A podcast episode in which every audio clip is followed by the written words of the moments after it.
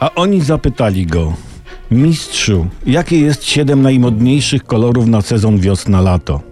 A on oczy na nich wzniósły, wzniósłszy im odpowiedział czekoladowy, delikatne pastele, słoneczna żółć, beżowy, błękit paryski, lawendowy, soczysta pomarańcza.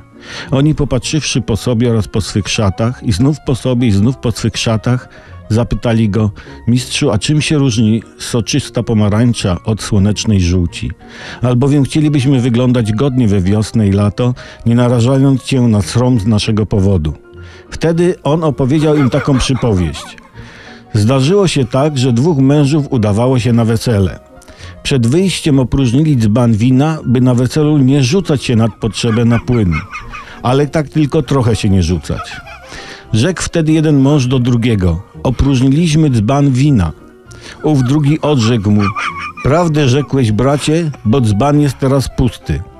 Ów pierwszy rzekł bratu swemu, którym był ów drugi mąż: Wypijmy zatem drugi dzban na drugą kończynę, byśmy nie kuleli po drodze.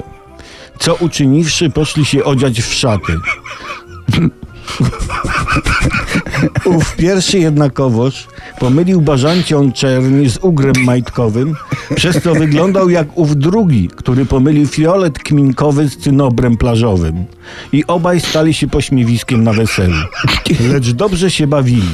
Zaprawdę powiadam wam, kolory mają głupie nazwy i nie należy na nie zwracać uwagi. Na co oni, rozebrawszy się, weszli do morza.